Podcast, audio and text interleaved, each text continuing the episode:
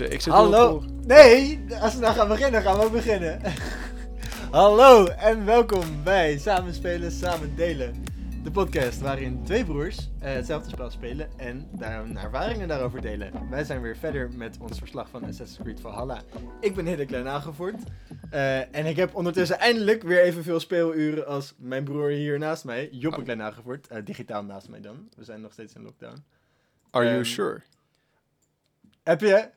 Nee, toch? Ik heb want- tussendoor ook gespeeld. Ja, dat snap ik. Oké, maar het laatste. De vorige keer had jij twee Sigurd storylines meer gedaan dan ik. Oh, je bedoelt op storylines? Ja, Mhm. qua uren komen we zo meteen op. Eerst storylines. De storylines hadden we, liep jij twee voor op Sigurd. Die heb ik ondertussen ook gedaan. Oké, En ik heb daarna ben ik nu nog eentje aan het doen.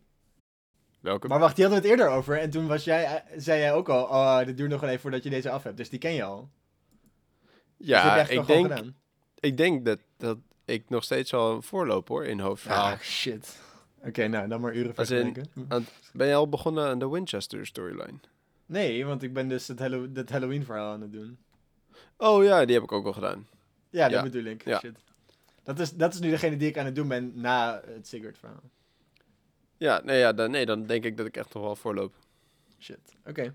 Anyway. Ehm, maar de, ik vind dus- die verhaallijnen na de Sigurd verhaallijn, Mhm. als we het daar nu toch over hebben, vind ik een beetje slapjes. Je bedoelt dus bijvoorbeeld je, dat je, zoals jij het noemde, dat je weg moet om de smid te gaan sidewingen in een of ander dorpje, soort rand van Engeland ergens. Ja. En het is, het is een grappig verhaal op zich. Mhm. Want het, het begint dus heel erg innocent, van je moet hem gaan wingmannen. Eh, en er zit een soort van grappige noot in, dat je zijn bruid gewoon helemaal niet kan verstaan. En iedereen, Ja. niemand begint erover, ze Ja. praat gewoon en niemand gaat erop in. Dat is wel grappig. Dat was inderdaad wel grappig. Je lijkt ongeveer de enige te zijn in dat dorp die haar niet verstaat. Ja, maar niemand vertaalt ook voor je of zo. Iedereen gaat er ook van vanuit dat jij het verstaat. Dat was, dat was een soort van grappig. En daarna wordt het ook nog een beetje intrige, omdat je geframed wordt voor, voor iemands moord. En dan moet je dat gaan oplossen en zo. Ja, ik, ja, ja. Maar, te- maar dan, tenminste, ik heb hem nog niet uitgespeeld, maar ik neem aan dat het afgelopen is en dan is het weer afgelopen. Het heeft verder geen, geen impact. De Sigurd verhaallijn heb je verschillende verhaallijnen. En ten eerste zijn het verschillende, dus vanaf het begin in, eh, vanaf het allereerste begin in Noorwegen al, Mhm. was er al een setup voor Sigurd is iets bijzonders. En dat zie je steeds door de grote lijnen heen ontwikkelen. En dat is cool, omdat er vooruitgang is en impact. En op het laatste moet je dus eh, hem gaan bevrijden uit een kasteel. En dan kan je dat doen door alle storylines die je daarvoor gedaan hebt, door je bondgenoten bij elkaar te roepen. Dus dan denk je, oh, dit is. Nu gebeurt er wat. Nu komt het Mhm. bij elkaar. Nu is er interactie, nu zit er vooruitgang in. En dat is nu opgehouden. En nu ga je weer iets anders doen, wat zeg maar in dat grote plaatje eh, irrelevant is, voor mijn gevoel. Ja, nou ja, kijk, je bent dan nog steeds ook in Engeland om een, ja, ik weet niet helemaal zeker de boel over te nemen, maar in ieder geval om met je clan een settlement te maken die gewoon zo groot mogelijk kan worden. En dat was vanaf het begin af aan ook een beetje de reden waarom je vertrok uit Noorwegen en naar Engeland ging. Ja. En daar is toen als een soort van sidequest, als het ware, zijn die, is de Order en de Sigurd, die, eh, de, de ontwikkelingen rondom Sigurd, die nu dus steeds meer soort bij elkaar lijken te komen. Mhm. Maar die zijn van een soort van optionele sidequest-achtige dingen steeds meer hoofdlijn geworden. En als maar je... niet allemaal. Ja, het spel erkent het zelf ook wel een beetje. Eh, ik bedoel, je praat op een gegeven moment ook nadat Sigurd terug is met Randvi van wat, eh, wat, wat moet ik nou doen? Sigurd is, eh, is hier wel, maar hij is hier toch ook niet. En waarop zij dan gewoon zegt van ja, laat hem, geef hem maar even de tijd. Eh, en ondertussen hebben wij nog belangrijk werk te doen. En dan ga je verder met die Alliance map. Ja, maar die Alliance map zouden ze dus het. Om dan nog verder ga- te gaan met het voorbeeld van het Halloween verhaaltje wat je speelt. Ja. Is grappig. Ehm, maar dat het op zichzelf grappig is, voelt dus als niet genoeg. Want het wordt pas echt interessant als dat een leuke, ding, leuke, leuke situatie is.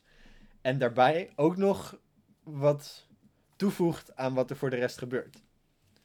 Nou, het is wel weer, het is wel weer een alliance. En In ieder geval, kijk, nu is het misschien nog niet nodig. Maar dat waren al die kleine andere alliances ook niet. Totdat je Sigurd ging bevrijden en de een of andere siege op ging zetten. Maar dat is niet in verhouding. Want dat verhaal wat ik met die andere alliances speelde...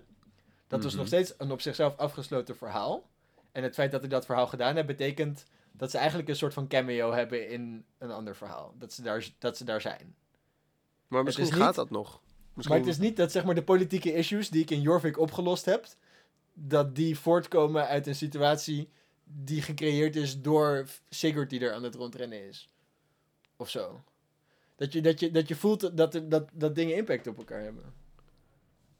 Ik heb Mhm. een goed voorbeeld hiervan, wat, ik een, wat, ik een, eh, wat allebei deze dingen heeft.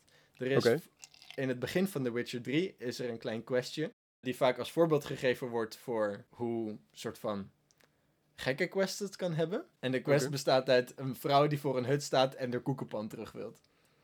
En dan moet, mag jij als machtige Witcher de koekenpan uit het huisje gaan halen. Dus dat is dan een beetje het grapje van, ah, het gaat maar om een koekenpan. Mhm. Maar vervolgens blijkt dus uit het, in het ding dat, de, dat die koekenpan nodig was. Dat die van het oude fruitje gestolen is door een spion.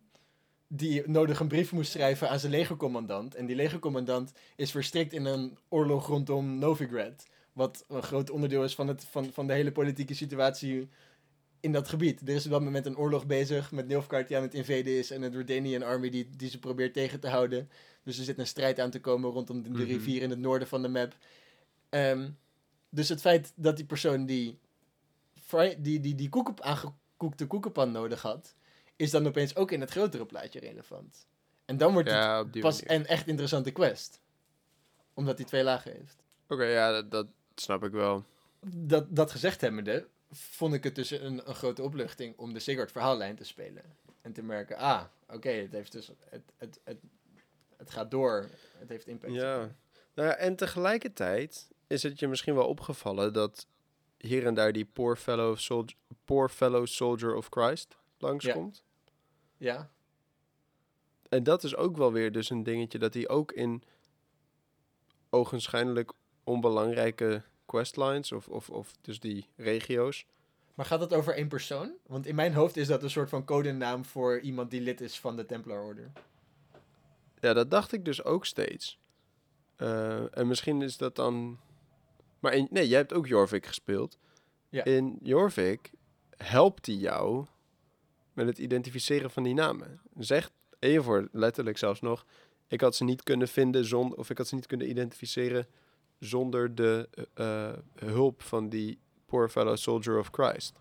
Maar waarom is het dan een fellow soldier? Want wij zijn geen, geen soldier of Christ. Misschien is dat de naam die hij zichzelf geeft omdat hij dat zelf leuk vindt. Ja, dat, dat weet ik ook niet. Maar eh, dat was wel... Ik had hem wel een soort van semi-bewust langs zien komen, Ja. die naam, tot op dat En punt. ook Maar pas toen... Ja? Mhm. Specifiek binnen de Assassin's Creed eh, spellen zijn de Templars als tussen aanhalingstekens slechterikken wel altijd ge, enorm eh, in verband gebracht met religie. Mhm. Want een tempelier is letterlijk iemand die een kruistocht voert in naam van zijn geloof. En ze hebben altijd kruisen op hun outfits. En ze gebruiken religie om mensen te controleren. Dus als iemand zich een, een soldier of Christ noemt, dan heeft dat heel erg Templar feel. Dus dat voelt. Dus ik ben benieuwd wat eruit gaat komen. Ja, hoewel er dus tot nu toe in het spel ook een hoop mensen zijn die eh, wel bij de Order... Uh, het heet dan ook de Order of the Ancients, niet per se Templars. Ah, sure. Ehm, maar die dus bij die Order of the Ancients horen zo- en daar vooral ook bij terechtkomen omdat ze teleurgesteld zijn in de kerk. Ah. Oké. In al die, die death scenes en zo, weet je, als je er een eentje pakt, Oh, Dan- inderdaad. Ja. dan, vertellen ze dan vertellen ze gewoon een stukje background ook over hoe ze dan daar gekomen zijn en zo. ja. Eh, wat ik op zich best Ja. wel vet vind. Soms is het, voelt het wat irrelevant, maar soms zijn het echt wel vette, interessante verhalen. Oké. Ik luister Maar- er niet heel erg naar, inderdaad. Je luisterde, je luisterde niet naar die verhalen? Nee. Ik was gewoon blij dat ik een verslagen had. Nou, daar zit dus eh, ook iets in wat ik had opgeschreven waar ik het over wilde hebben. Namelijk dat eh, bij sommige van die eh, eh, gesprekken Odin ook aanwezig is. Ja, dat weet ik nog wel, inderdaad. Ja. En ik heb het gevoel dat je heel voorzichtig niet meer aan dezelfde kant als Odin staat. Of dat je Ah. een beetje uit elkaar begint te, te groeien.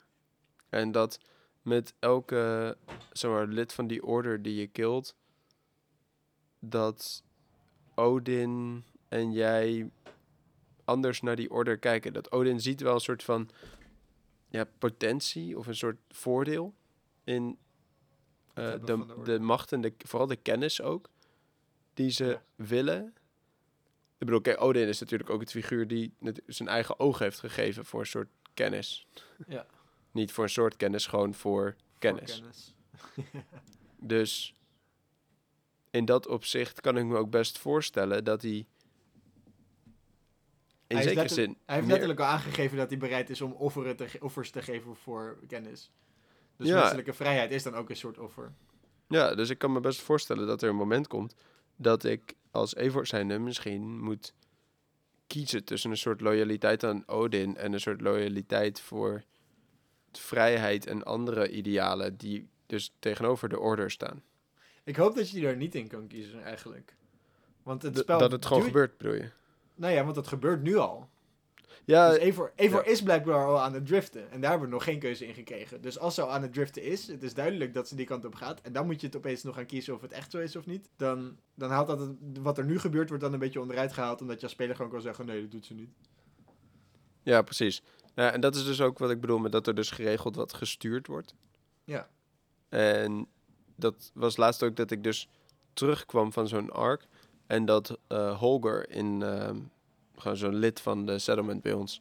Ja. Dat die weer een eh, geschil had met iemand anders. Hij had weer eens wat Oh, ja. gepakt. Maar dat Om- zijn, dat, zijn, dat zijn dezelfde... Dat zijn twee die heel vaak met elkaar overhoop liggen, volgens mij. Ja, dit was de maker van die boten. eh, in je settlement. waar je je boot kan customizen. Oh, dat kan wel. Hij had daar kennelijk een stuk zeil gejat. Of nou ja, dus meegenomen. Maar daar verder dan allemaal geen kwade intenties en zo. Maar ja, hij had er wel op geschilderd. En zij wilde gewoon de prijs van haar zeil vergoed krijgen. Ja. Ehm en Randvi die vraagt aan jou om dus een oordeel te vellen. En Ja. ik dacht, oh, oké, gaan we dan... Ja, dit gaat, dat gaat fout. Ik bedoel, je hebt al... Dag is al bij mij in ieder geval gestorven, dus omdat hij vindt dat je te veel op de stoel van de Jarl gaat zitten. En da- toen kon je nog een soort van verschuilen van, ja, Sigurd is er niet, dus iemand moet het doen. Eh, en hij heeft mij aangewezen daarvoor. ja. Maar nu is Sigurd er. Maar Sigurd doet het dus ook niet. Dus hij Nee. zegt wel dat hij Jarl is, maar als hij niet een rol als Jarl heeft, dan moet iemand het doen. Ja, maar ik had dus ook niet de mogelijkheid om te bedanken en te zeggen: ik ga Sigurd halen. Nee, precies. Het spel wilde, de makers van het spel wilden dat ik op die stoel ging zitten. Ja, En ja. dus terwijl, heb jij deze, heb je dit nog niet gehad? Eh, ik heb eerder een andere gehad, waarbij hij een stuk eh, eh, paardenhaar steelt van de, van de, van de Ja. stallenman. Ja, dan, ja, dan zal ik nog niet te veel zeggen. Maar ehm, ja, jij gaat dus nog een keer op die stoel gezet worden, terwijl Sigurd dus terug is. Ja. En dat is dus wel wat mij het gevoel geeft dat het spel jou, of in ieder geval het verhaal, dus een bepaalde kant op wil duwen. ja, en dat is zo cool, want dat is, dat is een ontwikkeling richting, richting een climax. Ja, en Er verandert wat. wat, we- hebben het in een eerdere aflevering ook wel eens gehad over dat we dus soms spreken namens onszelf, zeg maar. Gewoon wat, wat onze normen, waarden en gedachten over dingen zijn. En dat we soms proberen te spreken voor wat zou dit karakter doen in Ja. deze situatie. En dat zijn wel dus, dit zijn echt dus momenten waarop ik dan dus twijfel. En een soort strijd voel tussen wat zou ik doen? En wat zou een, een Evor of een Sigurd moeten doen of moeten horen misschien? Ja. Dat snap ik wel. Het, het is natuurlijk ook wel... Soms, soms is iets heel erg duidelijk een moraliteitsprobleem. Ja. Maar soms is het dus ook gekoppeld aan niet alleen maar wat voor moraliteit gaan we hier ingeven, maar hoe verhoudt die moraliteit zich tot het rechtssysteem wat hier al in stand is, of het geloofssysteem wat hier in stand is. Dus eh, we hebben Mhm. vorige keer, toen we het hierover hadden, hebben we dus eh Ivar dus wel de Valhalla gegeven, omdat we dachten, oké, dus er is aan de ene kant onze eigen ethische bezwaren tegen zijn gedrag, maar tegelijkertijd zien we in dat het in deze religieuze context wel een soort van klopt. Ja, Dus je kan, zeg maar, dus tegelijkertijd in zo'n situatie als deze, kan je vanuit je eigen moraliteit handelen, maar is er dus ook al een bestaanssysteem waarin je kan zeggen van, op de manier waarop de Noormannen hun recht deden, betekent gewoon dat als je dit doet, dat dit gebeurt, zeg maar. Waar je consistent in moet blijven. ja precies. En daar schipper je dan een beetje tussen heen en weer. Ja. Tenminste, ik. En ik geloof uit wat je zegt, jij ook. Ja. Ja, en, en daarbij zit dus ook een... Dat ik... ja, me ook heel bewust ben van dat ik soms dus ook kan aansturen op een conflict... waar ik dat misschien niet altijd wil. Maar Nee. waarvan ik me ook wel voor kan stellen... dat Eivor, gewoon als zijnde... ook gewoon trotse viking wel... daar misschien wel een punt van zou maken. Waar ik dan als spelspeler, als iemand mij bijvoorbeeld beledigt, zou denken... Ah, oké, hier gaan we geen punt van maken. I'm gonna let it slide. Ja. Waar ik me ergens ook wel voor kan stellen. Dat ik denk, ja... Waarom zou hier... Waarom zou ik, als ik Evor was, hier niet iets van zeggen? En niet zeggen van soort van, eh, hou je bek. Volgens mij, ik heb, ik heb zo'n situatie eerder gehad. Volgens mij was dat tijdens een van de main verhaallijnen. Dus niet als je in je settlement iets moet schipperen. Eh, maar dan kom je iemand tegen. En die zegt van ja, kan je wel de persoon uitleveren die je zoekt. Maar dan moet je iets eh, voor mij doen. Maar dat zegt hij op een beetje een, een, een hooghartige manier of zo. En dan heb je als Evor dus de optie om te zeggen... Hoe waag je het om zo'n toon tegen me aan te slaan? Ja. En dat vind ik best wel heel erg leuk. Want in het echt ben ik als persoon dus iemand die dus zoveel mogelijk wil schipperen. Mhm. Maar dus in deze videogame krijg ik dus de mogelijkheid om gewoon als fucking sterke viking gewoon te zeggen... Doe even niet zo. En als hij dan boos wordt, om gewoon ook zeg maar daarna de means te hebben om hem... Om mijn mannetje te staan en hem ook, nou ja, desnoods in elkaar te kunnen timmeren. Ja. ja, ik ben ook gewoon dus zelf wat schipperender daarin. En ik merk dus dat ik dat met Evor op gezette momenten ook, of nou, niet alleen op gezette momenten, maar voornamelijk doe. En alleen maar af en toe dus denk van ja, maar dit is niet helemaal fair. Om nu heel heftig hierop te reageren. Nee, nee, nee, het is niet helemaal fair wat jij nu doet, dus ik ga wel heftig reageren. Oh, ja, ja, ja, ja. En aan de andere kant kwam ik dus laatst ook een mystery tegen, waar iemand mij probeerde te beroven met een soort vreemde soort scam. Waarvan, waar kreeg je uiteindelijk drie opties, hoe je ermee om wilde gaan. Je kon een soort van boos op hem worden, daarmee laten. Je kon zeggen die, basically, gewoon sterf. Ik ga je Ja. kapot maken. En je, kon, en je kon ze tips gaan geven, Over hoe ze het beter konden voor hoe scammen. ze dit in het vervolg beter konden doen. En ik had er dus eigenlijk gewoon een beetje spijt. Kijk, alle drie de antwoorden gingen de mystery resolven. Maar Ja. ik was gewoon een beetje pissig dat ze spoken aan het nadoen waren. hè. En dat ze dus op mij, en nou, ik trap er dan niet in, maar dat ze dus op een hele hoop goedgelovige mensen misbruik van maken. ja, dus je hebt ze gewoon afgemaakt? Ja, dus ik had de kill option gekozen. Ja. En later dacht ik, is dat nou dus wel de, de, de koers die ik wil varen? Is het het proberen het aftroggelen van mensen, is dat, is dat, een, mens, is dat een ander mensenleven waard? Is dat, is dat in verhouding dat ik die... Ja, ik, ik twijfel er niet over dat de Evor dus in dat scenario, dat ik denk, dat hij denkt, jij wilt van mij stelen? Fuck you, eet mijn hamer. Dat. Ja, ja, ja.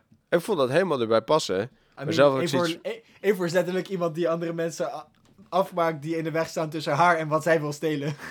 Ja. Ja. Dus de- als het de andere kant op gaat, dan is dat helemaal gerechtvaardigd. Ja, of je, had, of je had ze tips moeten geven dan. Ja, dat was Maar- wel gewoon grappig geweest. Ja, maar ik had dus zoiets van... Nadat ik dus een soort in mijn rol zittend de keuze maakte voor nee, sterf. Dat ik dacht, oh, dat is misschien wel een beetje... Een beetje heel harsh. Maar oké, ik heb dan een, ik vraag me dit dan af. Als Ja. je daarover nadenkt van, dus zo'n vraag in je opkomt, is dit een koers die ik wil varen? Komt Ja. die vraag dan vanuit het persoonlijke, als Joppe zijn, de morele dilemma van, wil ik dit soort acties doen? Of meer vanuit het idee van, als ik deze acties in het spel doe, dan gaat het spel de verkeerde kant op, omdat hij dit bijhoudt en daar dus zeg maar een minder een slechte uitkomst krijg. Of eh, mensen me gaan haten omdat ik te gewelddadig ben. tikkeltje van beide, denk ik. Ik merk dat in veel gevallen ehm, het spel echt wel als een extensie van mezelf kan voelen. Of in ieder geval dus Evor als een extensie van mezelf. Ja. Wat het dus leuk maakt, omdat je je heel erg kan verplaatsen in die man. Of in mijn geval dus man. Ja. Eh, ja, ik bedoel, ja, je wordt toch best wel ook wel meegenomen in zijn keuzes en in zijn overwegingen. Eh, en in, Wacht, soort- van Evor? ja, Ben je weer man geworden? ja. Dus eigenlijk precies hierom. Ik merk dat ik Oh. beter kan verplaatsen in, in hem als man. Dus Ja, dat snap ik wel. ik heb inderdaad een tijd als vrouw gespeeld, gewoon omdat ik dacht, ah, vet dat het kan. Eh, ik bedoel, dat kan lang niet in elke game. Dus Ja. je, je gender meestal wel gewoon een soort voor bepaald. Mhm. Eh, ik had er niet zoveel last van, maar ik had ook zoiets nou ja, als het nu kan, sure. Let's try it out. Ja, why not? Ja, Maar ik het is wel merkte dus- logisch dat het in de weg zit. Wat zei je? Het, het is wel logisch dat het in de weg kan staan tussen jou en de belichaming die je van je karakter wil voelen. Ja, want ik bedoel toch. Nou, dit is een beetje out of nowhere, maar om dan als eerst als mannelijke Eivor gespeeld te hebben. En dan bijvoorbeeld zo'n Goliath soort van te wurgen. En dan- Wat is een Goliath? Zo'n zo'n zo'n tegenstander, zo'n NPC, zo'n soort Oh, het guard. is een, en- een enemy type. Ja, Ah, ja. die, maar die zijn echt, echt gigantisch. Als in, jij bent kwam, als er kwam er laatst eentje op een paard voorbij gereden en ik dacht, wat de fuck is dat voor mini-paard? Oh, wacht, die man is gewoon heel groot. Ja, en ik vond het al zeg maar onwaarschijnlijk dat de mannelijke Eivor, die wat best wel een beer is, ehm, die dude kon wurgen in sommige van die soort execute cutscenes, kleine dingen. ja, ja. Maar toen speelde ik het dus als vrouwelijke Eivor en toen dacht ik, ja, maar dit is gewoon het, het, het, het, het omvangverschil tussen jullie is zo groot. Het is, ik bedoel, je kan Ja. zo'n je kan zo'n goede krijger zijn, maar no way dat je in deze formaatverschillen die dude zo wurgt gewoon met alleen je armen eromheen, niet eens niet, niet een touw of iets dergelijks, gewoon alleen je armen om zijn nek. Ik denk dat het formaatverschil voor mij juist zo groot is dat het ondertussen ook niet meer uitmaakt wie wat wurgt. Want niemand is, zeg maar, reëel gezien zo groot. Dus fuck it. Trek Ja. zijn been eraf, let's go. Het is ook niet helemaal de reden natuurlijk, maar ja, Nee, Ik, eh, ja. I mean, Ja, ik wilde gewoon Ja. graag eh, weer mannelijk even zijn voor de Ja. immersion. Ik vind het juist wel leuk om me te immersen in iemand die anders is dan ik. Ja, zeker ook wat voor te zeggen. Dat vind ik voor, voor, voor, voor inleving een leuke uitdaging. En ik vind het persoonlijk ook prettig eh, als iemand die redelijk wat media consumeert, waarin er dus erg veel, af, er- erg veel afbeeldingen zijn van, van, van sterke mannen die allemaal heftige krijgersdingen doen, voelt het ook gewoon verfrissend om gewoon een, stoer, een stoere vrouwelijke krijger te zien. Dat vind ik ook Ja, gewoon kan cool. me ook wel voorstellen. Dus ook nog los van hoe ver ik me er zelf kan inleven, kan ik een soort van een, een, een, een wens van mezelf vervullen door, door, naar, door haar spierballen te zien en zo. Sure.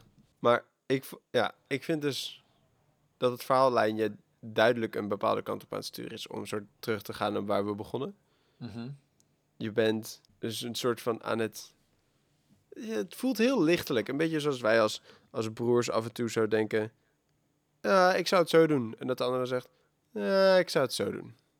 Zou je het echt zo doen? Ja, ik zou het echt zo doen. Het voelt een beetje alsof, ik in, alsof je in dat scenario... Of in dat stadium begint. Met Odin nu. Oh, met Odin, oké. Ja, ja, ja, ja. Nee, met Odin. ik dacht, ik dacht dat je nog... eh, Dus, ja, maar dus tussen jou en Sigurd is dus ook een verschil in het ontstaan. Ja, maar dat is... Het begint dus met dat je Sigurd terugkrijgt van Full Cave, voor mijn gevoel. Ja, Daar ik ben heel erg... zegt Odin ook tegen jou... Het is nu aan jou. Ik ben dus gewoon oprecht gefrustreerd, ook omdat zeg maar... Nog los van waar, waar, wat ik net zei vanuit de verhaalstructuur, dat het gewoon zeg maar een beetje weird is dat, dat, dat je een overarching ding hebt wat nu opeens weggevallen is en je nu een soort van, wat voor mijn gevoel irrelevante dingen moet doen, ben ik ook Mhm. gewoon op een persoonlijk niveau gefrustreerd dat er eh, gezegd wordt, Sigurd is now enlightened. Hij is een groter human being geworden en hij, is, hij heeft een goddelijk brein nu. Dus ik was zo van, oké, let's go Sigurd. Laat me je, laat me je mega breingeest zien, persoon die je nu geworden bent. En in plaats daarvan gebeurt er helemaal niks. Eh, nou ja, die man is denk ik ook wel een soort in de war. Ik bedoel, Nee, hij klonk niet in de war. Het enige wat hij zei... My eyes have been opened and I will do great things now. ja, maar toch, als je thuis bent, is hij. Hij lijkt wel ergens over in de war of ergens mee in conflict te zijn. Iets wat hij uitzoekt. Een beetje een soort van. En dan maken we weer een uitstap naar een andere bron van entertainment: Game of Thrones. Ja. Nadat dus. ehm Bran, de three, die, die, dat hij die, die soort Three-Eyed Raven, dus ook een soort godly, als het ware, een soort los van menselijkheid-achtige rol aanneemt, Ja. verandert hij ook helemaal. En hij wordt ook niet een soort brute, eh, kijk mij machtig zijn en eh, dicht bij de goden en dat soort dingen. Nee, hoeft niet, Hij- niet per se machtig te worden. Nee, maar hij is ook in, eerst in de war. En soort teruggetrokken en het allemaal aan het overdenken. En een soort van een nieuwe flow aan het vinden voor zichzelf. Oké, sure, maar mijn antwoord daarop is... Laat me dat dan zien, in plaats van dat ik... Dat mijn Blacksmith gaat trouwen. Oké, Ook al, ook al wordt Sigurd niet meteen, zeg maar, echt demigod met powers. Als hij daar even over moet nadenken, dan, ben ik toch, dan wil ik toch zijn, zijn nadenkproces erover zien over hoe hij daarmee worstelt. Want dat is een voortzetting over, over de openbaring die hij gehad heeft. sure, I guess, ja. Nou, ik ben wel benieuwd waar het verder gaat. Want Waar ik, ook wel eh, benieuwd naar ben over het verder gaan, is eh, de relatie met Randvi die ik heb. Ja, ja. Ja, want het huwelijk tussen Randvi en Sigurd is natuurlijk wel een beetje... niet heel erg warm. Nee, het is ook wel, een- hoe zeg je dat ook weer? Een eh, arranged marriage, uitgehuwelijkt. Ja. Maar ja, dat eh, maakt eh Sigurd denk ik niet zo heel veel uit. En volgens mij is hij er nog steeds wel een soort pissig over. Ehm, ja, I guess. Soms, ja, I don't know. Want het, je hoort, tenminste zeker in die tijd in, waarin uithuwelijken de norm was, kan het wel dat ze alsnog op een bepaalde manier om elkaar gaan geven of zo. En dat idee had ik in het begin ook wel tussen Sigurd en Randvi. Dat ze wel om elkaar gaven. Maar Sigurd Ja, is sure. nu terug en hij lijkt niet echt... Ik nee, zie hij lijkt er niet heel erg in geïnteresseerd in haar. Nee. Maar het is dus wel een voortzetting van de sturing waar jij het net over had. Over dat het voelt alsof je, je alsof Evor steeds meer het dorp aan het overnemen is. Of in ieder geval dat zij steeds meer in die rol geduwd wordt. En dat de rest van het dorp de perceptie heeft dat zij dat probeert over te nemen, zeg maar. Ja, Daar zit, En je dus, merkt- daar zit dus vooruitgang in. En, het feit merkt- dat, ja. ik, dat ik in Sigurd's afwezigheid zijn vrouw gekaapt heb, ze is daar wel een onderdeel van, zeg maar. Dus ik ben wel benieuwd of dat uit gaat komen en of dat dan nog dat verder op de spits gaat drijven. ja nou, ik kan me niet voorstellen dat het niet uitkomt. Nou ja, eh Ivor en Randvuur zeggen er wel iets over als Sigurd weer terug is. Dan Oh, echt? heb je zeg maar gewoon een normale cutscene gehad. En dan komt er daarna, spreken ze nog even met elkaar en dan zeggen ze... Laten we er maar even niet over hebben. Wat ja, er ik heb dus daar een andere route gekozen, dus ik heb die cutscene niet gehad. Nee, Maar dat is wel interessant. ja, tegelijkertijd kan je dus wel gewoon... Item staat in het kantoor waar Randvier zit en dan loop je gewoon voor zijn neus binnen en begint Randvier uit te kleden op het bureau. dus op zich, ze doen ook niet heel erg hun best om het geheim te houden. Nee. Nee, nee, daar had ik niet zo over nagedacht. Maar dat is inderdaad best wel een beetje grappig. Ik ben dus wel benieuwd. eh, want we hebben het over dat het spel een bepaalde kant om... eh, het verhaal... Het spel is het verhaal een bepaalde kant op aan het sturen. Waar ben je dan benieuwd naar? Waar dat dan precies naar is. Want we hebben vorige aflevering hebben we wel voorspellingen gedaan. eh, Oh ja. Over hoe het zit met eh Evor van de goden, Sigurd van de goden, welke god dan precies, et cetera, et cetera. En Basim's motivatie. En Basim's motivatie. Maar echt een soort, wat, wat gaat de soort ontknoping worden? Ik bedoel, in sommige spellen weet je redelijk vanaf het begin, eh, aan het eind van het spel ga ik ongeveer dat en dat voor elkaar gespeeld hebben. Hoe ik dat precies ga doen, weet ik nog niet zeker.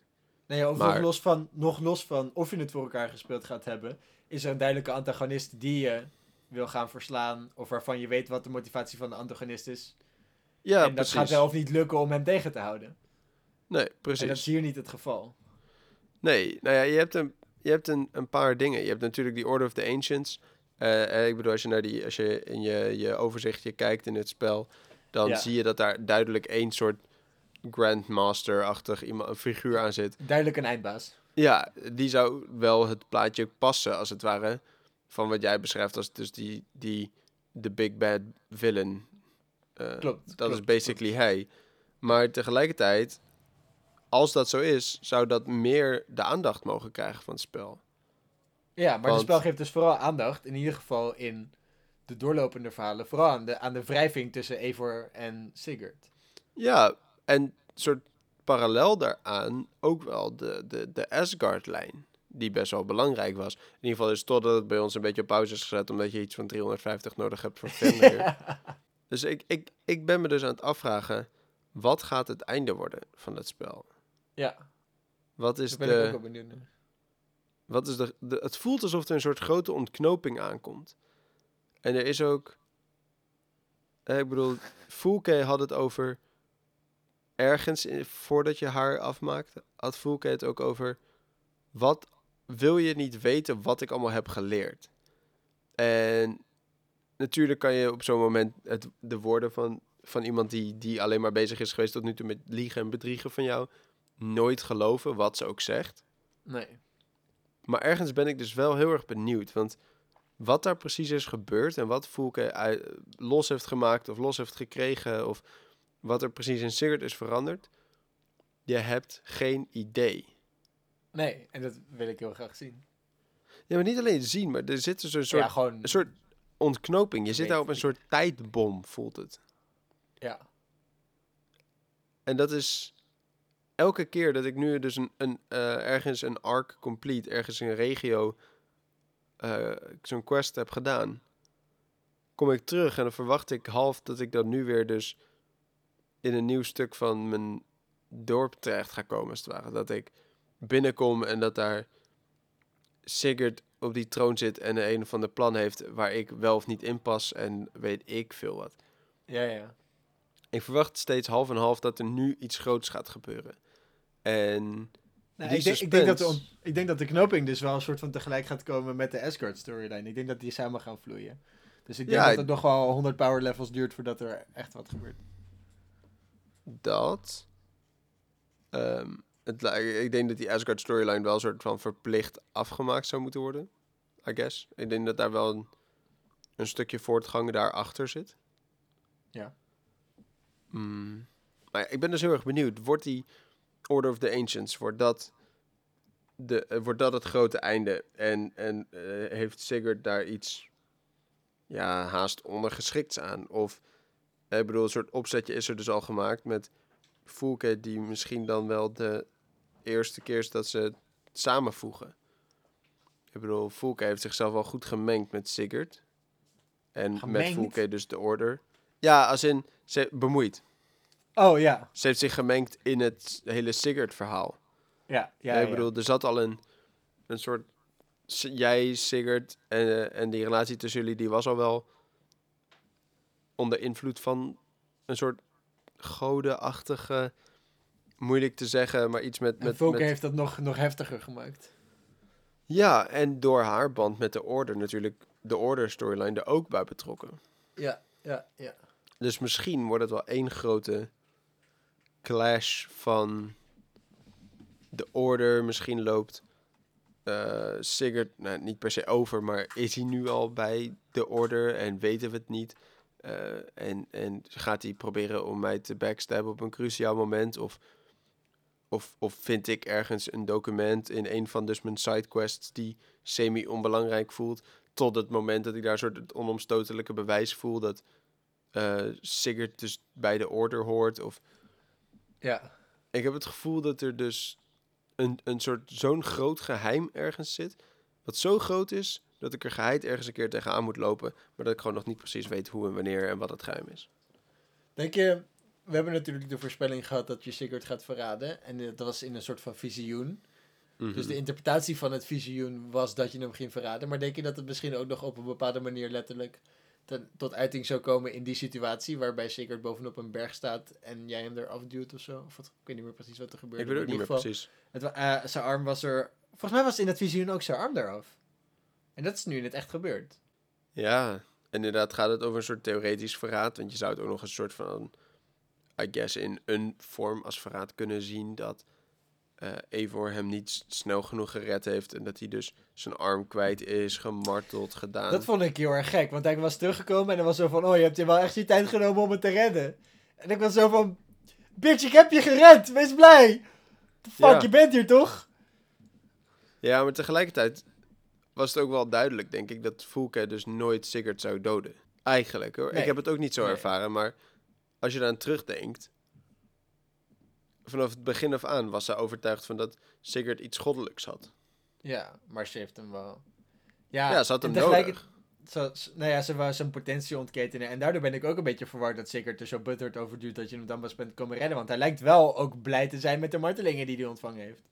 In ieder geval met het eindresultaat. Met het eind, ja, hij zei dat hij het waard vond. Letterlijk. ja, die, die Ja. weet ik niet meer. Jij, jij lijkt inderdaad wel een beetje alleen te zijn daarin. Want en Fulke vond het het waard, obviously. I mean, ze was de uitvoerder. Ja. Zelfs Sigurd, de ontvanger, vond het dus kennelijk waard, hoor ik jou nu zeggen.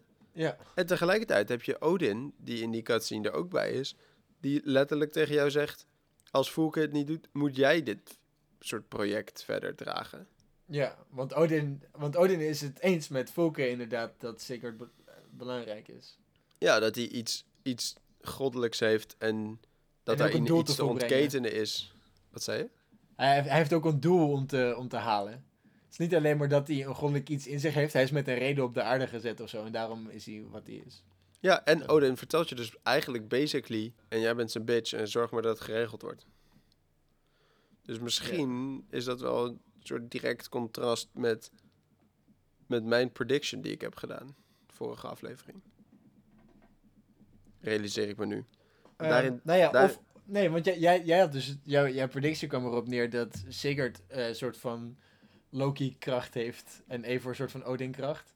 Maar het kan natuurlijk net zo goed zijn dat Odin doorheeft dat Sigurd met Loki connected is. Maar waarom zou hij dan willen dat ik hem verder help daarin? Omdat hij op de hoogte is van eh Sigurd's macht. En dus dat, dat, dat hij het eens is met zijn connectie met Loki. Dat hij niet per se met. Dat Sigurd niet per se met Odin connected is, maar met Loki connected. Maar dat Odin er wel achter staat. Zonder Mhm. zelf per se, zeg maar, een voorvader van Sigurd te zijn. Nou, ik heb dus gewoon het gevoel dat er elk, soort, elk moment, elke, bij, bij welke soort storyline ik ook nu instap, dat er iets groots kan gaan gebeuren. Ja, en dat maakt het ook allemaal wel een soort spannend. Ja, ja. Ja, ja ik, ik moet zeggen trouwens dat, ehm, zonder er inhoudelijk op in te gaan, dat de Winchester storyline ook een hele goede is.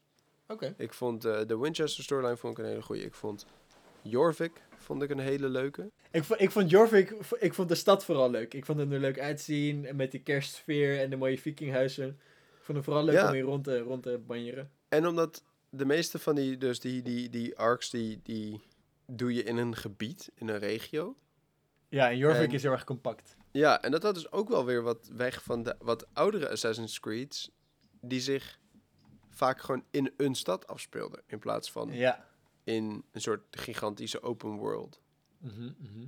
En dat vond ik ook leuk. En het, deels door dus de kleine omvang van het gebied waarin je speelde, maar ook het thema van meer politieke intrige, et cetera, voelde die een stuk meer sneaky dan, dan Ja. sommige andere eh, questlines. Wat zijn je favoriete storylines? Jorvik en Winchester, so far. Oké. Maar ik moet dus zeggen dat die met Gunnar, de smid, waar jij nu een soort van op aan het giffen bent geweest. Nee, ja, ik vind het verhaal dus op zich wel leuk. Ja, ik vind het verhaal ook hartstikke leuk. En voornamelijk dus dat je de, de christelijke leider, als, of nee, niet de christelijke leider als in de leider binnen de kerk, maar de leider voor de regio, de beoogde leider voor de regio, die een soort wel diep geworteld christendom heeft, dat je die een bredere kijkwijze op manieren van leven, op interpretaties van goden, et cetera, dat je die soort kan ontdooien in dat hele concept. Een van mijn als je het hebt over favoriete dingen, is of, eh, shit, hoe heet die ook alweer? Eh, die direct ten zuiden van je dorp. Eh, met die chick met die drie verdachte, verdachte personen die je moet gaan onderzoeken. Oh ja, Soma. Maar ik weet even niet hoe de regio heet. Ja. Het is ook wel een lange naam. Ja. Maar juist door dat detective spul ook. Of, Ja, dat vond ik heerlijk. ja. Dat je ook gewoon zelf als speler aan mag wijzen, ik denk dat dat hem is. En dan wordt er op je keuze gehandeld en dat is het. Maar zo zijn er nog wel één of twee. Niet, niet in die mate. Je hebt nooit een soort van echt detective werk in de zin van dat je gewoon een antwoord kan invullen en dat wordt het dan. Heel vaak is het toch wel detective werk waarbij je, er liggen clues en als je allemaal gevonden hebt, weet je het antwoord, zeg maar. Maar dat was dit met Soma ook, toch? Mm, Je kon op elk moment beschuldigen en iemand omleggen. Ja, Maar er was als, ook maar als, je, als je alle informatie had, dan wist je inderdaad wel het antwoord. Dat Ja. klopt, maar je kon ook het verkeerde antwoord geven. En meestal wat er gebeurt is, als je alle clues gevonden hebt, dan speelt het verhaaltje af waarin je de goede persoon aanwijst. Oh, eh, je hebt je die, ehm, heb je niet die quest gedaan waarbij die Franse soort prinses of zo, die is uitgehuwelijkt aan dus een Engelse vorst. Heb je die meegekregen? Dat je hun huwelijk soort voor beide partijen in een soort ouder eh, een scheiding moet organiseren die acceptabel is binnen die tijd? Nee? Niet? Nee, waar is dat dan? Oh, deze is echt hilarisch. Deze is echt hilarisch. Ik weet, ik weet ook niet hoe de regio heet, maar hij zit in het oosten. In het oosten? Ja, Zuid of Noordoost? Eh, een beetje zuid. En ik vind hem fantastisch. Als in, nou, het, het, vooral het verhaal. Zeg maar, de, de gameplay is met tijd en wijle gewoon een beetje, gewoon oké, leuk. Gewoon, zeg maar, vermakelijk. Ja. Eh, maar de opzet is dus best wel lachen. Je hebt twee mensen die gewoon samen een soort ontevreden zijn over hun huwelijk. En daarin een soort van ook tevreden zijn. Of nou, zich er meer, meer bij neergelegd hebben. Maar ja, Ja. scheiden is niet echt een optie, want één, gewoon de kerk. Ehm, ja. ja. En twee zijn en- de politieke alliantie.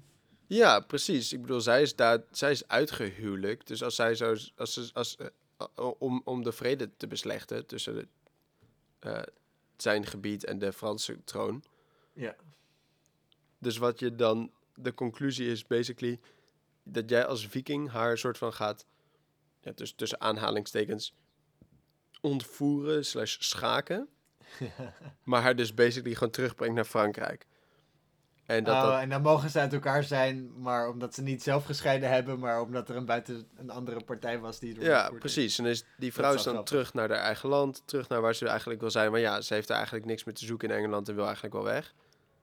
En die man, die is dan vrij om met de vrouw waar die eigenlijk heel erg verliefd op is, samen te zijn. Omdat hij dan kan zeggen, ja, mijn vrouw is ontvoerd door vikingen, ja, het, eh, ze zal wel niet meer leven. Ja, ja, ja, ja. Weet je wat een van mijn favoriete momenten was? Nou? Basim, die bij het kampvuur vertelt.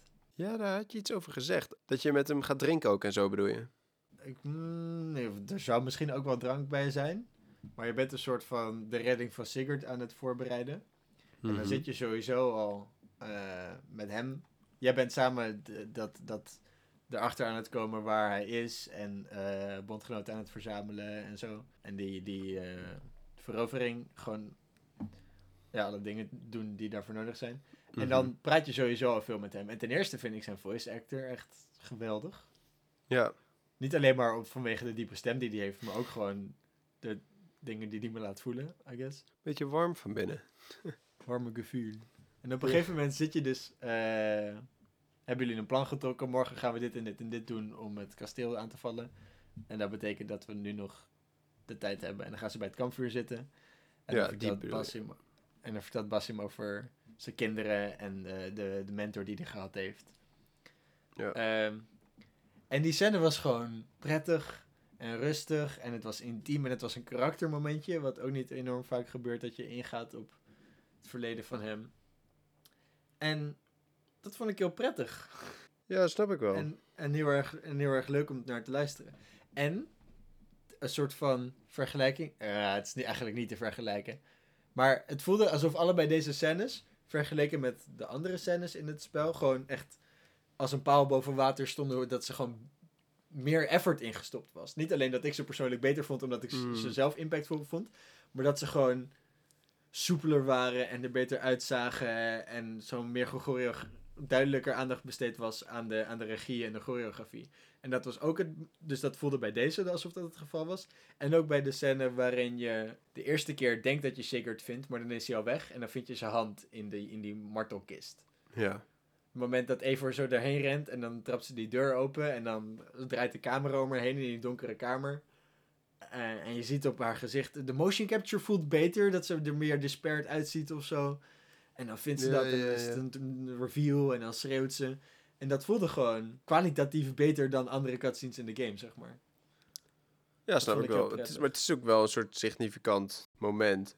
Dus ja, Ja. liever, Liever, liever daar dan met een gesprek met Gunnar, zeg maar. Ja, precies. Maar vervolgens heb ik dus een gesprek met Gunnar waarbij de motion capture niet op dat level is. En dan is het Ja. ook gewoon minder. Maar goed, dat, het, het was juist de bedoeling om hier even een positieve ding te geven aan dingen die ik vet vond. En niet zeg maar verder in te hameren over dat ik Gunnar saai vind. Die arme man is ook gewoon op zoek naar liefde. Ja. Was hij Ah. niet in het, in het begin, toen je net in Engeland aankwam, was hij niet soort van net gescheiden of zo? Dat je toen tegen een, zeg maar, je was net aangekomen en toen vroeg je, hey Gunnar, hoe gaat het met je vrouw? En zeiden, ja, dat is mijn vrouw niet meer. Ja, ik heb van Gunnar een beetje het idee dat het zo dat type is van heel snel in liefde, heel snel verliefd, eh, heel snel blij en alles. Maar ook heel snel dat het weer uit is.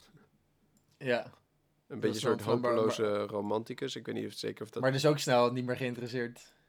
Ik weet niet of het niet meer geïnteresseerd is, maar misschien is hij gewoon moeilijk om een relatie mee te hebben of zo. Ja, I don't know. Ik weet niet of het niet geïnteresseerd is. Die vibe kreeg ik niet echt. oké. Maar ja. Wat ik trouwens echt, en ik heb het al eerder gezegd, ehm, maar ik heb dus vandaag ook een beetje. Ehm, ik, eh, we hadden het over die armor van Thor en zo gehad. Oh ja. Dus ik wilde daar ook naar op zoek. En ik dacht, nou, ik heb nu van jou, dus hoe jij me vertelde hoe jij eraan kwam, had ik al genoeg hints, vond ik. Ja, je moet een paar eindbazen verslaan. En je was al op de map tegengekomen, dus je Ja, wist inderdaad ook gewoon welke. Precies. Maar ik had er eentje nog niet gevonden. Eh, dus ik ben ook van, ik heb ook van de middag nog gespeeld met het idee, ik ga die laatste even zoeken. Ja. En dat was echt wel weer leuk. Dus ik ben naar al die mysteries gegaan. Ja. En ik vind die mysteries toch zo goed in zo'n spel, even in dit spel. Ik heb echt van alles gedaan. Ik was, ik kwam ook weer nieuwe mysteries tegen die ik nog nooit eerder heb gespeeld. En niet eens zeg maar een variatie op een al eerder voorbijgekomen thema, maar Maar gewoon, gewoon echt, een, iets- een heel nieuw type. echt een heel nieuw type. En dan heb je dus al 75 uur in zo'n spel zitten, hè? En dan kom je ja. En dan kom je gewoon een nieuwe soort side puzzle quest evenement-achtig iets tegen. Je hebt jou volgegeten vreten bij het buffet en dan kom je opeens een nieuw gerecht tegen wat de hele tijd om de hoek stond. Ja, precies. Maar ik heb ook bijvoorbeeld Verstoppertje gespeeld met kinderen in een dorpje. Ja. Dat vond ik super lachen. Dat is zo cute inderdaad. Dat vind ik super grappig. Dat dat... Mag, zal, ik, zal ik een voorbeeld geven? Een van de... eh, op een gegeven moment, je speelt sneller... eh, in het begin van het verhaal speel je ook met wat kinderen. En dan gaan jullie samen een soort van eh, dorpje plunderen. Oh, ja. En als je het hebt over een voorbeeld wat dus zowel op dat moment een grappige ding is, maar ook een noot heeft wat, dat het ingrijpt op de, de omgeving, was die heel erg leuk. Want je speelt met die kinderen om, en je gaat een Mhm. soort van een, een verlaten huisje wat ergens staat, ga je plunderen en zo. En dan ben je lekker met ze aan het spelen. En Ivor als grote krijger doet dan een beetje, is een beetje aan het stoeien met die kinderen en zo. Mhm. Eh, en op het einde kom je, kom je erachter dat ze dan aan het oefenen zijn om zeg maar, jouw clan te gaan aanvallen als ze volwassen zijn. Ja. Snap je? Dat geeft het dan opeens. eh, eh, heel, dat plaatst het opeens in, in, context. Dus Ja. dat vond ik heel erg leuk. Dat maakt dus opeens een soort hold up. Ja. nou ja en, en het trekt ehm, je, je, je perceptie van dat verhaal. Wordt opeens heel breed getrokken. In plaats van alleen maar ik speel met kinderen. Ik speel met kinderen die onderdeel zijn van een cultuur en een systeem en een toekomst hebben en daar dingen gaan doen. Nou, ik, wil dus, ik wilde dus ehm, als soort afsluiting nog wel echt Assassin's Creed wel bedanken voor die mysteries, basically. Welke ik was je vind- tegengekomen dan? Wat moest je doen? Ik moest een, een grot in en daar een soort van dus, dus puzzels navigeren. Als een soort, hoe kom je voorbij dit obstakelachtige puzzels? Oké. Ehm, en dan aan het eind van zo'n gangenstelsel lag dan een treasure en die moest je pakken. En dan had je de, event, had je de mystery completed. Oh ja, die heb ik wel een keer gedaan, ja. Ehm, daar was ik een paar van tegengekomen. Weer eh, een nieuwe soort puzzels met die portals. Dat je de situatie waar hints in verwerkt zitten, moet, zo moet inschatten dat je door de goede portals loopt. Ja, ja. eh, maar terwijl je aan het hallucineren bent, basically is het hele ding een hallucinatie. Maar die heb je wel eerder gedaan, toch? Ja, maar niet op die manier. En ze zijn elke keer weer echt wel weer anders en brengen ze iets, een wezenlijk nieuwe uitdaging. Ja, dat en dat is wat ik er leuk aan vind. Dat het een soort kleine puzzeltjes zijn tussendoor. Je hebt dus echt een soort evenement. Er gebeurt iets wat je op moet lossen. En het dat is ook dus even niet- het is een ander, ander deel van je brein dan wat je de rest van de tijd gebruikt. Ja, en het is dus ook niet zo dat je denkt... oh, hier hebben we weer variatie 3 van de vijf puzzels die we tegenkomen in dit spel. Ja, precies. Ik weet de oplossing al. Ik moet alleen even kijken waar de vlaggetjes staan en dan loop ik door de poorten. Precies, precies. Ik, ik ben tijdens die puzzels wel echt elke keer aan het puzzelen wat er Ja. dan moet gebeuren. Ja. En sommige dingen voelen ook gewoon wel vet. Ik kwam ook een, een jongetje tegen en zijn vader. Zijn vader was, voor, was vis aan het verzamelen en zo. Eh, en dat die vader schijnt dus een, een van die oude Drenger te zijn van eh, Ragnar. Ja. En die Maar dan... die, die zijn wel cool. Ik ben ook eentje tegengekomen op de muur helemaal in het noorden. Ja, Dat is ook wel vet. Ik heb hem gewoon van die muur afgekieperd en toen was hij dood. dat was ook wel grappig. Maar goed. Ja, maar inderdaad dat die vader dan aan een, een, nog een soort heldhaftig einde wil krijgen. En dat Ja. zijn zoon ook mee wil geven en zo. Eh, en basically zegt hij dus gewoon, vecht met me. Tegen, tegen jou spelen. Ja, Oké, niet ja. tegen zijn zoon. nee, tegen Evor. Tegen Evor zegt hij dat. En Evor, en Evor zegt dan, eh, ja, laten we, eh, laten, we een laten we strijd voeren. Zeg maar, Ja. zoiets. Mhm. En dan, ehm, heb je, en dan versla je hem. En dan is dat jongetje ook soort deels sad natuurlijk, want papa is weg. Ja. Eh, en deels Hoe oud dus is dat jongetje? Welke leeftijd hebben we het over? 10, 12, zoiets. Oké. Eh, maar ja. tegelijkertijd zegt hij ook van, eh, terwijl zijn vader aan het sterven is, nog niet helemaal, hij is niet tegen een lijk aan het praten, maar zegt hij dan ook iets van, ik zie, ik, ik zie nu waar je het over hebt gehad, pap, over de, de, de, de glorie en eh, het zijn van een Drengir en Mhm. dat soort dingen. En dat voelt dan ergens ook wel weer touching of zo. En ook wel Hmm. weer dus een, een draadje wat je tegenkomt van dus dat vikingen die er soort van wel mee worstelen, dat ze dus wel een Engelse vrouw tegenkomen, eh, daar ook een kind mee krijgen, maar ja, dan als hun einde dan toch nadert, dat ze niet van ouderdom in hun bed willen sterven. Ja, ja. En dat dat dus er zo ingebakken zit. Dat is een willekeurige vreemdeling die langskomt. Vecht Nou ja, mij! Ik bedoel, je bent niet een willekeurige vreemdeling. Je komt daar een soort vol krijgstuniek. Dus ik snap wel dat iemand denkt, hier is mijn kans. Ja. Let's go. ja. Jij en ik, drie uur op het schoolplein. maar, Mijn vader slaat je Ja. zo bloedneus hoor. ja. maar die, die, die mysteries is dus echt een geval van... Je weet nooit wat je tegen gaat komen. Eh, en dat vind ik best wel knap. Om, om dat te maken. Dat ze zo'n gigantisch hoeveelheid aan variatie hebben. Ja, een beetje dezelfde soort waardering waarmee ik bijvoorbeeld, en dat is misschien een slecht voorbeeld, maar ook dus naar eh, Mario Party minigames kijk. Ja, zo van, ja, maar je moet maar zoveel eh, ideeën hebben gehad die binnen dit gestelde kader passen. Ja. En, en relatief simpel uit te voeren zijn. Ik moest het ook denken aan iets wat jij zei tegen mij. ehm, ik gok naar aanleiding ook van je studie dus. Dat je zei, het is makkelijk om een leuk complex spel te vinden. Dus met veel mechanics en waar veel te doen is en zo. Ja. Maar dat het juist heel erg de uitdaging is om met heel weinig middelen, heel weinig mechanics, een leuk om te spelen en leuk om te ervaren spel te maken. Dat dat is- echt de uitdaging is. Valhalla is geen simpel spel. Laten we daar even duidelijk Nee, nee, nee. zijn. Maar die mysteries zijn in feite hele simpele kleine spelletjes die je tussendoor speelt. Als het ware. Ehm, Je moet hier een Mm. puzzeltje oplossen waar je die gebouwd is op één mechanic, twee mechanics. Eh, ja, maar of dus gebeurt het, juist, juist het feit dat je voor elke... hmm, het spel als op zichzelf heeft eh, een miljoen mechanics. Mhm. Eh, je hebt 100 power-ups die je kan krijgen en speciale moves die je met je wapens kan doen. En eh, armors, types en, en verschillende dingen en bla bla bla.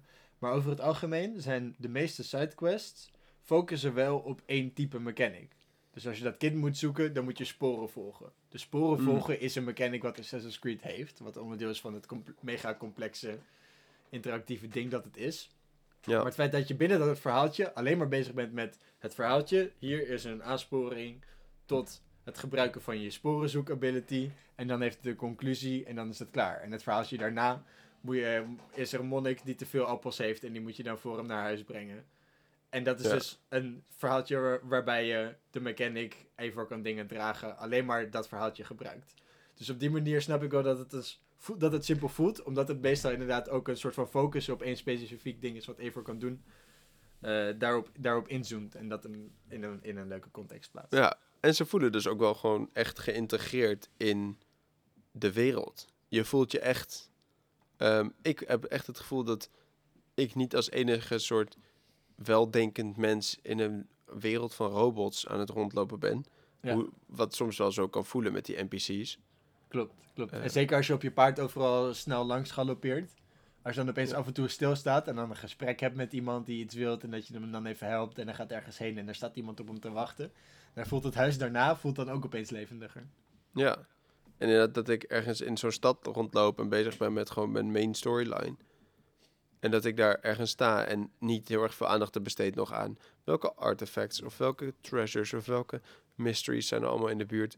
Maar dat je dan dus iemand hoort, stikkeltje ver weg, en dat ik dan denk, oh, huh, wat is hier? Eh, en dat ik dat dan ga kijken of soort, wat gebeurt hier? Weet je, je hoort Ja. iemand ergens over klagen. Of ergens blij mee zijn of ergens whatever. Je hoort, je hoort, je krijgt iets mee in zo'n stad waar je dus vervolgens iets mee kan. Het is iets binnen de gamewereld, dus het is niet een UI-element dat er overheen geplakt is, maar iets binnen de gamewereld wat je direct ziet of hoort. Ehm, wat Evor ook kan zien of horen, wat je nieuwsgierigheid prikkelt, waardoor je er naartoe gaat. Ja. Nou, ik vind die, die mysteries vind ik, het, eh, vind ik echt, echt de moeite waard. Ik denk dat dat een goed moment is om op te eindigen. Mysteries zijn leuk. Eh, voor nog meer mysteries, luister volgende week weer naar Samen Spelen, Samen Delen. Schud je die zo uit je mouw? Zo, ja, ik heb al wijde mouwen aan nu hoor. Dit is mijn, ka- mijn kamer even me lekker warm, maar er komen ook allemaal ideeën uit, jongen. Zo. Nice. Ik vind hem Ehm, leuk. Nou, dat betekent dus dat wij weer verder gaan met eh, spelen. En volgende week weer met delen. Eh, als jij ook dingen met ons wilt delen, dan kan je dat doen op spelendelen.gmail.com. De muziek is gemaakt door For Sure. Als je dit nou vette muziek vindt, dan eh, kan je meer van zijn tracks vinden op I Am For Sure. Eh, wacht, dat is niet de goede link. Soundcloud.com slash I Am For Sure. En tot volgende week! Tot volgende week. Thank you.